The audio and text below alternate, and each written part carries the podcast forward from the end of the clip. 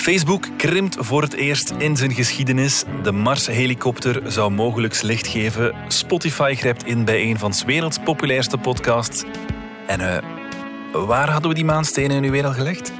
Het is vrijdag 11 februari. Mijn naam is Niels de Keukelare en dit is Bits en Atomen.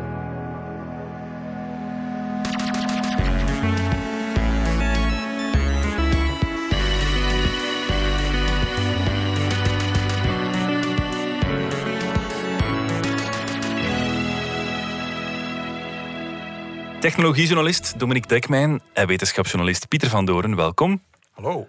Dominique, een van de grootste discussiepunten als het gaat over wanneer moet de big tech ingrijpen wat de inhoud betreft, is wat doe je met de meest controversiële meningen als die via jouw platform een gigantisch podium krijgen. En op dat vlak heeft Spotify onlangs voor het eerst wel echt ingegrepen. Hè? Ja, ja, dat was inderdaad nog nooit gebeurd. Dit, uh, bij Facebook en Twitter ja, en YouTube, ja, die worden nu al zeg maar, een jaar of zes op de vingers gekeken. Hè. Dat eigenlijk echt sinds 2017, toen het helemaal fout liep met de verkiezingen in Amerika. Mhm. Fake news, heel die discussie, als iedereen zich dat nog herinnert.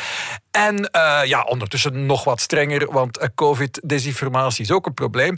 Maar dan heb je dan zoiets als, als Spotify, wat helemaal geen sociaal mhm. netwerk is, maar een, een doorgeefluik tot hier toe een streamingdienst voor muziek muziek. Mhm. Eh, en dan hadden ze, waren, ze, waren ze ook een doorgeefluik voor, voor podcasts geworden. En nu is er die discussie over uh, ja, Joe Rogan, hè, die wat controversiële podcaster. Die vooral, uh, het gaat dan niet zozeer over wat hij zelf zegt, alhoewel, maar vooral over een paar gasten die hij heeft uitgenodigd en die nogal sceptisch zijn over een, aantal aspecten van het coronavirus. Spotify wilde daar eerst niet te veel aan doen, maar heeft intussen toch een heleboel van die podcasts, meer, dan honderd blijkbaar, mm van, uit de back catalog van Joe Rogan uh, offline gehaald. Ja, ja, ja. En voor de rest er ook altijd een waarschuwing bij gezet. Uh, nu, dat een oude aflevering offline halen doet niet echt veel. En een waarschuwing bij een, geschriftelijke waarschuwing bij een audio-uitzending zetten heeft ook niet zo, zo gigantisch veel impact. Nee. Uh, waardoor je eigenlijk wel het gevoel krijgt, ze gaan nog wel iets moeten doen. De, de kous is daarbij nog niet af. Nee, nee ze zijn geen platform meer. Ze moeten beginnen ingrijpen. Ja, dat, dus dat is de discussie waar we het nu over hebben. Die platformdiscussie. Dat, uh, Daniel Eck, de baas van Spotify, uh, grijpt naar die term. Uh, maar dat deden Facebook, Twitter, YouTube allemaal vroeger ook. Wij zijn maar een platform. Wij zijn het, om, om maar de, die, die, die vergelijking te gebruiken die ervoor altijd boven wordt gehaald. wij zijn het dorpsplein. Ja, voilà. Ja, en wij zorgen misschien wel dat het dorpsplein een beetje proper is en dat er misschien geen brand uitbreekt of zo. Mhm. maar wat iemand tegen iemand anders zegt op dat dorpsplein, daar houden wij ons uiteraard niet mee bezig. Integendeel, als we ons mee zouden bezighouden wat mensen tegen elkaar zeggen op dat plein, zijn we eigenlijk met censuur bezig en dat willen we toch allemaal niet. Ja, voor alle duidelijkheid, het is wel bijzonder, want Joe Rogan heeft een deal van 100 miljoen dollar met Spotify. Ja, en daar gaat het nu net om. Hè. Dus uh, Spotify wilde graag bezig zijn met podcasts, want dat komt er goed uit. Hè. Muziek, daar moeten ze voor betalen aan de artiesten. Maar podcasts stonden daar allemaal gratis op het internet en de mensen luisteren naar en dan luisteren ze lang. Hè. Dus als iemand dan op Spotify een uur lang geluisterd heeft naar een podcast, dan betaal je wel aan Spotify en kan Spotify advertenties laten horen, maar moet Spotify niemand betalen. Juist, dat is weer een helemaal gratis content. Terwijl als je naar, mhm. in die tijd naar tien nummers van bekende artiesten hebt geluisterd, krijgen al die artiesten royalties. Dus podcast, super interessant eh, voor Spotify. Maar zij dachten, hoe krijgen we al die podcastluisteraars bij ons? Wel, we zullen de allergrootste van de podcasters binnenhalen. En dat hebben ze gedaan. Mm Ze hebben die Joe Rogan een bedrag gegeven van inderdaad, men zegt zo'n 100 miljoen eh, dollar om exclusief voor hen zijn podcast te maken. Intussen is dat dus ook al meer dan een jaar zo. Op dat moment ben je geen platform meer, dan ben je een uitgever geworden dat is precies wat men Spotify hier kwalijk neemt. Ja, ja, van, ja. voilà, ja, je kunt niet aan de ene kant zeggen van wij geven gewoon iedereen de mogelijkheid om een podcast te maken en uh, bijvoorbeeld ook die Joe Rogan, maar we gaan ons toch niet kunnen bezighouden met wat iedereen precies ergens in zijn lange podcast gezegd heeft. En dan zeggen anderen, ja nee, kijk, je hebt mm. die man 100 miljoen dollar gegeven om exclusief voor jou zo'n podcast te maken dan ben je nu de baas van Joe Rogan, eh, verantwoordelijk, op een of andere manier aansprakelijk aan te spreken over wat die man vertelt. Ja. Zeg maar, wat betekent deze ingreep van Spotify nu eigenlijk voor de podcast van Joe Rogan in de toekomst? Laten we zeggen dat dit een zeer minimale ingreep is. En niemand gelooft dat hiermee de kous nu opeens af is. Hè. Dus ik vraag me zelfs een klein beetje af of het weghalen van die oude podcasts, of dat dat nu is omdat ze het niet eens zijn met die podcast, of om te vermijden dat er nog maar eens zo'n eh, video op YouTube geplaatst wordt met de greatest hits van Joe Rogan. Eh, de, de recentste was dus een videootje waarin dat je hem meer dan twintig keer het N-woord hoort zeggen. Ja, ja, Eh, Dus eigenlijk hebben zij relatief weinig gedaan. En Eck heeft dan, Daniel Eck, de baas van Spotify, heeft nu naar zijn personeel toe, want veel van zijn personeel voelen zich daar niet zo lekker bij. Mhm. Ook dat is trouwens een parallel met Facebook. Daar heb je dat al jaren, dat de Ja, mensen ja, zich daar ja. toch niet zo goed bij voelen. Want zowel bij Spotify als bij Facebook zijn de meeste mensen eerder progressief ingesteld. Werken ze niet graag voor een werkgever eh, die doet aan COVID-desinformatie.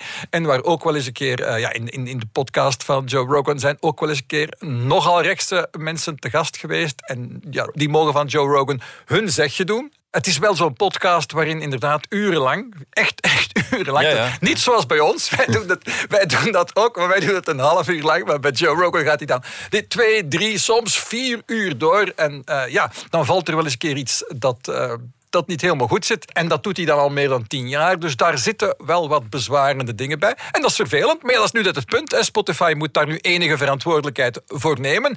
En dat hebben ze nog niet helemaal gedaan. Daniel Eck heeft nu, eh, dat is dan een, een, een brief aan zijn personeel, die denk ik eh, niet helemaal per ongeluk is uitgelekt. Gezegd van ja, kijk, aan de ene kant, we begrijpen wel, beste medewerker van Spotify. We zijn het eigenlijk allemaal niet eens met wat die Joe Rogan zegt. Maar ja, die man censureren, die man van het internet halen, dat kan toch niet de bedoeling zijn. Eh, maar, en dan heeft Daniel Eck een geste voorgesteld. Ik ga ook 100 miljoen steken in allerlei eh, stemmen van minderheden die we dan eh, op Spotify gaan aantrekken. En ja. Dat is een geste, hè, dat soort dingen. Maar we zijn nog niet op het niveau gekomen waar dat je bijvoorbeeld al bij Facebook en een YouTube en een Twitter zit, die al jarenlang fortuinen zijn aan het investeren in het proberen desinformatie, hate speech op je platform Juist, ja, onder ja, ja. controle te houden. Daar is Spotify nog niet mee begonnen. Nu, het probleem is, vanuit de samenleving is er enorme druk op eh, al die aanbieders van informatie om te zeggen, kijk, eh, jullie moeten de verantwoordelijkheid nemen als uitgever. Maar dat is praktisch gewoon niet mogelijk. En met, met dat probleem zit je dat eh, van die mensen dingen verwacht worden die ze nooit echt kunnen waarmaken. Een uitgever die heeft een boek gelezen voor die het uitgeeft, op zijn minst. Ja, ja. Maar aan, aan dingen die je per milliseconde de lucht ingaan, daar kun je de- dezelfde zorgvuldigheid niet op toepassen. Hè? Er is natuurlijk maar één podcaster eh, waar ze 100 miljoen aan hebben gegeven. Eh, dus eh, dat ze dat een beetje in de gaten houden. Het is echt een merk dat ze nou voorschuiven. Het is hun ster. Eh, Dus dat ze dat een beetje nauwlettend in de gaten houden, dat lijkt me dan een minimum. En dat lijkt iedereen nu te accepteren. En zelfs Spotify zelf, ja, we gaan dat toch een klein beetje in de gaten houden. En die Joe Rogan, die, die ook de slechtste die is, die heeft dat in, in vond ik een vrij aandoenlijke video. En nu, ondertussen heeft hij op een week twee keer een video op Instagram moeten plaatsen om zich te verontschuldigen. De eerste keer omdat hij dus COVID-ontkenners op de podcast had. En dat hij zei van ja, de volgende keer dat ik zo iemand aan het woord laat, ga ik me toch een beetje beter voorbereiden. Eh, Want eh, een hele terechte zelfkritiek was. If I pissed you off, I'm sorry. And uh, if you enjoy the podcast, thank you. En dan, ja, dat N-woord, dat ga ik dan toch ook niet meer zeggen. my sincere and humble apologies. I wish there was more that I could say, but all of this is just me talking from the bottom of my heart. Je zou zeggen, op YouTube vallen er veel, veel ergere dingen te zien en te horen. Dus dat moet je dan ook weer zeggen. Spotify is wat dat betreft eh, YouTube, niet laat staan eh, Reddit of 4chan. Nee, nee, nee. Goed, zolang wij geen deal hebben van 100 miljoen dollar, moeten we ons nog geen zorgen maken.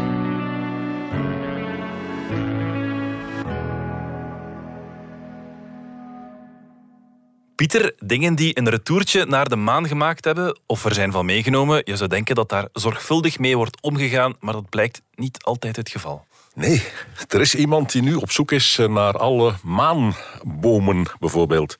In 1971 met Apollo 14 is eh, Stuart Roosa, een van de astronauten, die had in zijn persoonlijke bagage een paar duizend eh, zaadjes mee van allerlei bomen. Ja. Die was zelf ooit bij de bosbouwdienst eh, in dienst geweest als parachutist, brandweerman. Van die kerels die als er ergens een bosbrand uitbreekt als eerste erin gaan. En die vond het dus wel leuk om eens bomen mee te nemen. Je had vijf soorten gekozen. Platanen, sequoia's, pijnbomen, liquidamba's en Douglas sparren. Netjes meegenomen. Mooie collectie. Teruggekomen. En daar ging het al voor de eerste keer fout. Eh, al wat eh, terugkomt eh, van de maan moet ontsmet worden. Dus dat ging in een vacuümkamer. Ja. Die zak is opengebarsten. Die zaadjes zijn alle kanten opgespat in die vacuümkamer. Dus zo was het experiment niet echt bedoeld. Nee, nee, nee. Enfin, er zijn er waarschijnlijk iets van een 500 toch levend uitgekomen. En die zijn uitgeplant om te kijken wat ermee ging gebeuren. Ja, en, en wat wouden ze dan net testen door die zaadjes mee de ruimte in te sturen? Wel, eh, ze wisten gewoon niet wat er ging gebeuren. Eh, zo lang in gewichtloosheid, eh, wat doet dat met zaadjes? Niemand weet dat. Uiteindelijk een zaadje dat in de grond ligt, dat laat een worteltje groeien naar beneden. En een stengeltje naar boven. Maar in de ruimte is er geen boven en beneden. Juist, ja. In de ruimte is er een hele hoop straling. Dat heeft gezondheidseffecten op mensen. Dat zal ook wel effecten hebben op zaden. Misschien gaat er DNA kapot en zo. Wat voor effecten zijn er? Ja, ja. Nu, de praktijk was geen. Goed. Dat zijn bomen zoals al andere. Daar is totaal geen verschil met welke boom dan ook. Ja. En die zijn uitgedeeld aan ambassadeurs, aan universiteiten, aan onderzoeksinstellingen, aan NASA, laboratoria. Aan iedereen die zo'n zaadje wilde hebben, kon er wel eentje krijgen. Alleen niemand heeft daar ooit een lijst van opgesteld.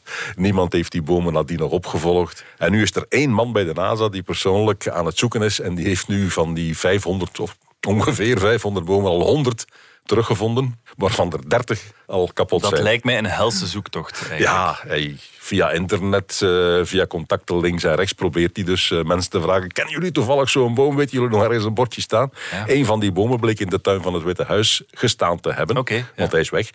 Hij heeft er gestaan en hij staat er niet meer. Veel meer is er niet. Ja. Bij het laboratorium waar die vent zelf werkt, daar stond er ook een en dat wist hij niet eens. Oké.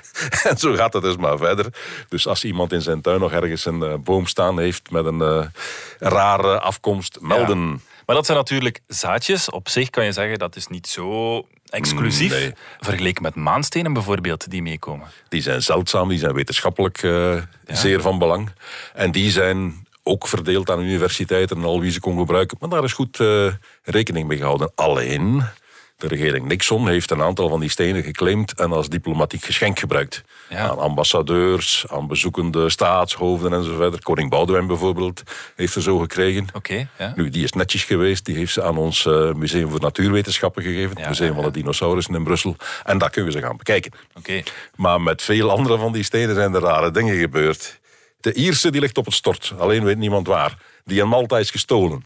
Eh, die in Spanje, die zit ergens bij de familie Franco. Oké. En die zegt van niks te weten. De Canadees eh, die is ooit naar een eh, student gegaan die een opstelwedstrijd gewonnen had over ruimtevaart. De prijs was een reisje naar Amerika, naar Cape Canaveral en zo.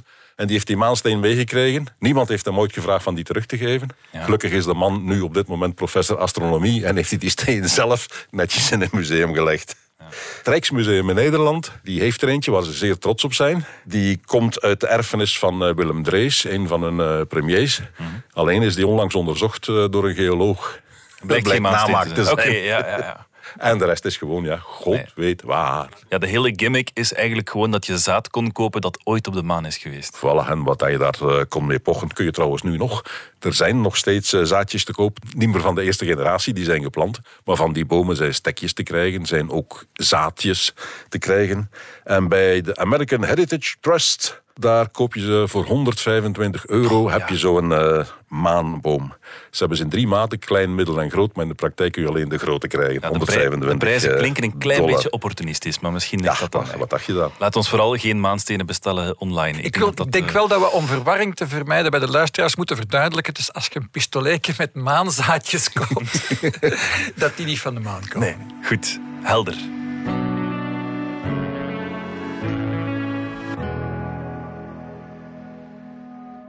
Dominique, heel wat nieuws over Facebook afgelopen week. Het sociale netwerk dan, dat krimpt voor het eerst in zijn geschiedenis.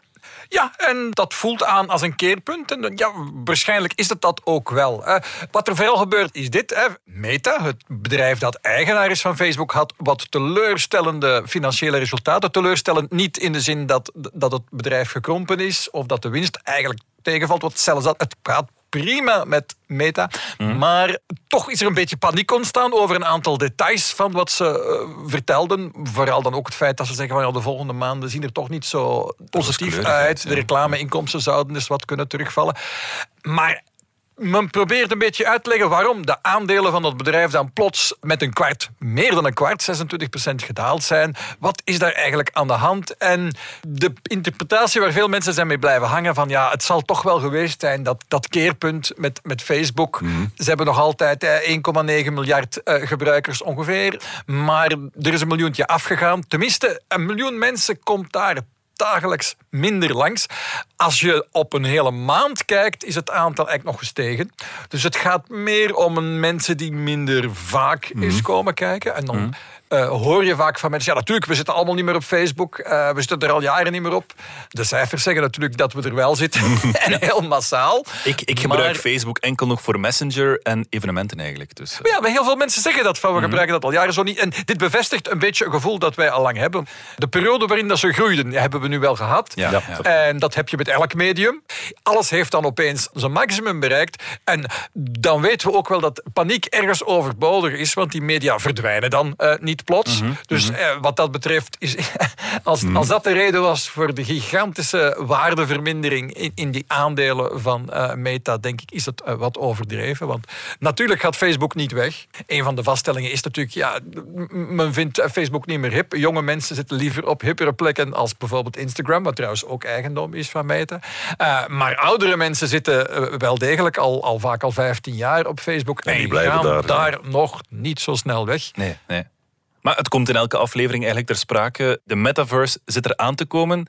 De vraag is, hoe gaat de metaverse geld genereren voor uh, het bedrijf? Ja, precies. Want dat was het. Uh, er zijn nog een paar onderwerpen, maar dat was het andere grote thema. Hè. Um, waarom dat er bezorgdheid is. Hè. Eh, de baas van Meta, Mark Zuckerberg, heeft heel nadrukkelijk in september, oktober gezegd van ja, de toekomst, dat is in iets nieuw en dat is zo'n soort 3D, virtuele realiteit, internet waar we allemaal doorstappen, waarin we in de vorm van onze avatars en waarin dat we ook de avatars van onze vrienden en collega's tegenkomen. Uh, dus dat was hij eigenlijk al maanden aan het zeggen en nu blijkt inderdaad van, ah, er is iets van. er in die zin dat het met die sociale netwerken inderdaad een beetje aan het aftoppen is. Maar dan is de grote vraag, ja, maar dat nieuwe ding, dat metaverse, ja, wanneer gaat dat er dan zijn? Daarvan heeft hij zelf gezegd, dat is maar over een jaar of tien. Mm. En ondertussen gaat er wel veel geld naartoe. En ondertussen steekt hij er zoveel geld in dat de winst zelf een beetje, een beetje afneemt. Hij heeft geld genoeg, maar de winstgevendheid neemt daardoor toch wel wat af. Uh, ja, en dat zorgt voor ongerustheid. En dat, dat is ook helemaal logisch. Dit zijn heel onzekere tijden. Uh, komt er zoiets als de metaverse? En dan zou ik zeggen van, uh, dat willen we nog zien. Mm Er is zeker heel wat gaande. Hè. Men, men, kijkt dan naar zo'n spel als Fortnite. Hè, dat schoolkinderen daar dan na, na, de school zitten ze daar eerst te chatten. Mm Want het is eigenlijk een spel, maar ze zitten daar eerst te chatten met elkaar. Een gesprekje voeren, dan samen een spelletje, dan terug wat verder chatten. En misschien ja, praten ze daar ook over hun huiswerk. Dat schijnt wel eens te gebeuren. Dus werken, spelen en sociaal interageren in diezelfde virtuele omgeving, dat bestaat al. Eh, behalve dat die Fortnite niet met een virtuele realiteitsbril op je neus is. Maar mhm. veel mensen zien zoiets als uh, hoe jongeren nu met Fortnite omgaan. Dat is die metaverse, of dat is het begin van metaverse. En Facebook zegt dan, oké, maar wij hebben dan een bril. dat mhm. heet, die heet dan de Quest-bril. Uh, die koop je voor 350 euro, die zet je op je neus. En dan zit je in zo'n virtuele wereld en dan ben je er helemaal in ondergedompeld. Mm, en dat, dat, wordt het, dat wordt het nu helemaal niet alleen voor die Fortnite-jongeren, maar voor iedereen hoe verdien je daar geld? Want dat is natuurlijk de zorg. Hè? Want als er inderdaad een metaverse komt en Facebook, uh, of tenminste Meta, het moederbedrijf, heeft daar voldoende geld in gestoken, is daar een van de grote spelers, misschien de grote speler in, dan nog is de vraag van, valt daar zoveel geld te verdienen? Mm.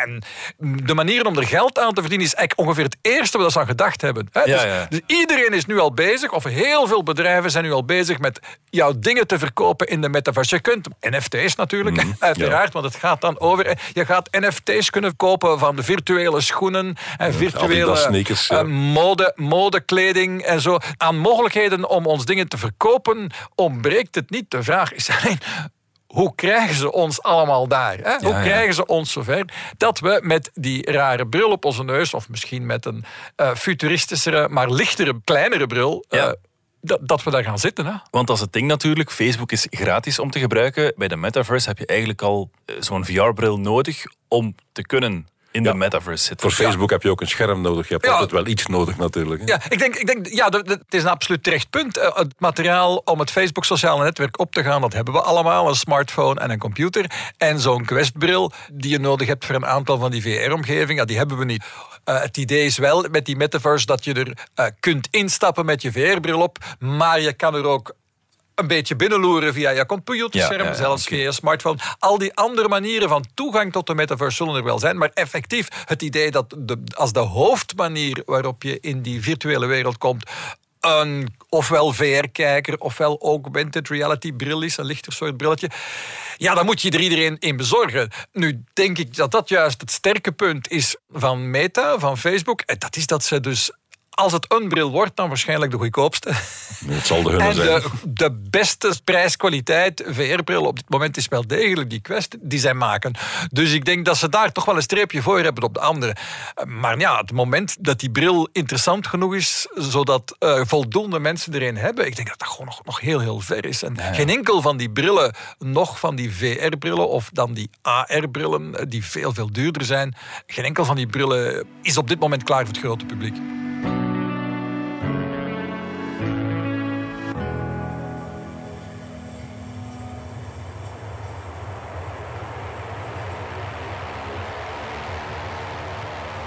Pieter, we gaan kunnen besparen op onze elektriciteitsfactuur op Mars, want de Mars-helikopter zou mogelijk licht geven.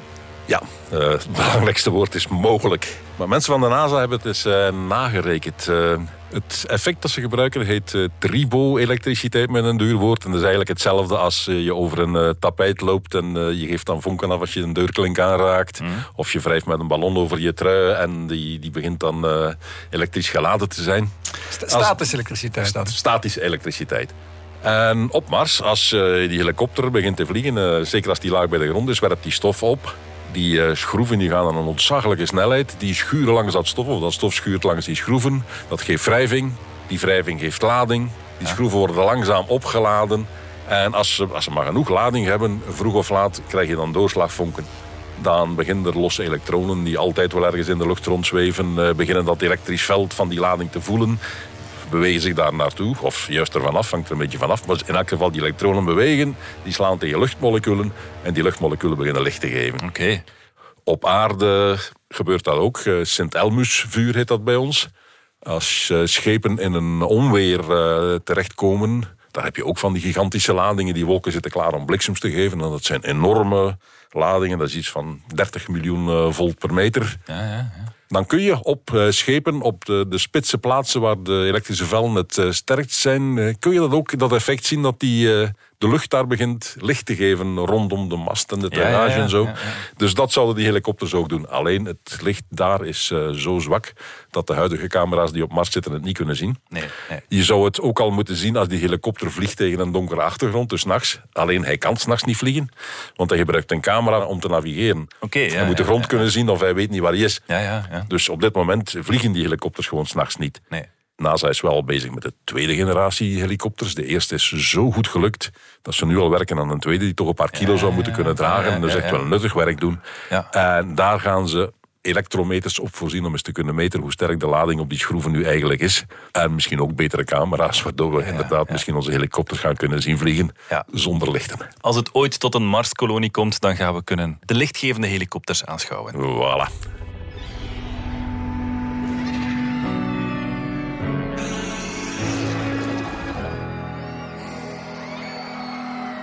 Goed, dat brengt ons op een of andere manier bij de dino van de week. Yep. De dino van de week deze keer is eh, geen dino, maar een screw-up. Het is ook iets technisch eh, deze keer. In eh, Utah is in 2009 een terrein ontdekt waar fossiele afdrukken van dino's te vinden waren. Dat gebeurt nog. Ja, in ja. Amerika zijn er een stuk of twaalf van die plaatsen. Deze was een hele mooie. Iets van een 200 verschillende afdrukken van eh, zeker 10 verschillende dinosaurussoorten. Er zaten iguanodons bij, allosaurus, een stegosaurus, een camarosaurus. Er was een sleepspoor bij van de buik van een krokodil. Mhm. Want die sporen zijn ooit in modder gemaakt. En dan moet daar dus een, ja, een moeras of zoiets geweest zijn. Ja, ja. Er zijn zelfs sporen van een eh, dino die op zijn hondjes aan het zwemmen was. En af en toe met zijn poten de grond raakte. Je kunt op de manier dat die poten in de grond slaan... kun je zien dat hij aan het zwemmen moet geweest zijn. Dus schitterend. In 2013 heeft de staat Utah die site eh, open verklaard voor de toeristen. Heeft eh, op haar eh, website, kun je nu nog bij de toeristische dingen in Utah de beschrijving van dat ding zien. En daar staat ook bij: You, the visitor, are the protector of this valuable resource. Met andere woorden, er is geen enkele bewaking, geen enkele controle. Mensen, wees vriendelijk. Het zijn nogal eh, historische sporen, 112 miljoen jaar oud, zijn er voorzichtig mee. Klinkt eh, risicovol. Klinkt risicovol. Ze hebben zelf een eh, houten loopbrug gemaakt over die sporen, zodat de toeristen konden kijken zonder erop te lopen. Nu ondertussen is die brug versleten. En wat hebben ze gedaan? Het Bureau of Land Management, dat eigenaar is van alle staatsgronden, die heeft een aannemer ingehuurd en gezegd, ga er eens naartoe, breek die brug af, zet daar een stalen brug in de plaats Ik, met ik beton voel het al komen, eh, Pieter. En inderdaad, ze hebben tegen die chauffeur, waarschijnlijk, weten we niet helemaal, gezegd van, wees wel voorzichtig met die sporen, rij daar niet over. Alleen dat ding ligt dan in the middle of nowhere. Regen, wind, storm, daar ligt zand over, daar ligt modder op. eh, daar, daar waaien wel eens struiken overheen. Ja. Dus de man die die brug eh, moeten maken heeft, die is gewoon met zijn grijpkraan dwars over die sporen gegaan. Tot zover die je dino's dus van de week. sporen met sporen eroverheen. Ja. En nu is de ruzie natuurlijk. Eh, Het bureau of Land Management zegt, ja, maar wij hebben onze voorzorgen genomen. De archeologen in Utah die zeggen, ja, je hebt ons niet eens geraadpleegd bij zoiets. En bovendien, jullie hebben normaal gezien een archeoloog in dienst. Alleen die is in 2018 vertrokken en je hebt nog steeds niet de moeite genomen om hem te vervangen. Schaam je! Het bureau of Land Management heeft nu al gezegd, we leggen de werken stil. En alles wat nu nog gaat gebeuren, zal in aanwezigheid van een archeoloog zijn. Ja, ja. Maar ondertussen is het natuurlijk gebeurd. Nee, we zijn net te laat als we nog wouden eh, gaan kijken. Wel, we kunnen het nog zien, maar eh, het is nu een dubbele attractie. Het zijn sporen met andere sporen eroverheen. Voilà, voilà. Het is, eh, het is ook iets. Goed, Dominique Dekmijn en Pieter van Doren. Dankjewel. Dit was Bits en Atomen. Bedankt voor het luisteren. Ken je trouwens DS Podcast al, de podcast-app van Standaard? Daar luister je niet alleen naar onze journalistieke reeksen, je krijgt er ook elke week een eigenhandige selectie van de beste nieuwe podcasts op de markt. Alle credits van de podcast die je net hoorde vind je op standaard.be-podcast. Reageren kan via podcast.standaard.be.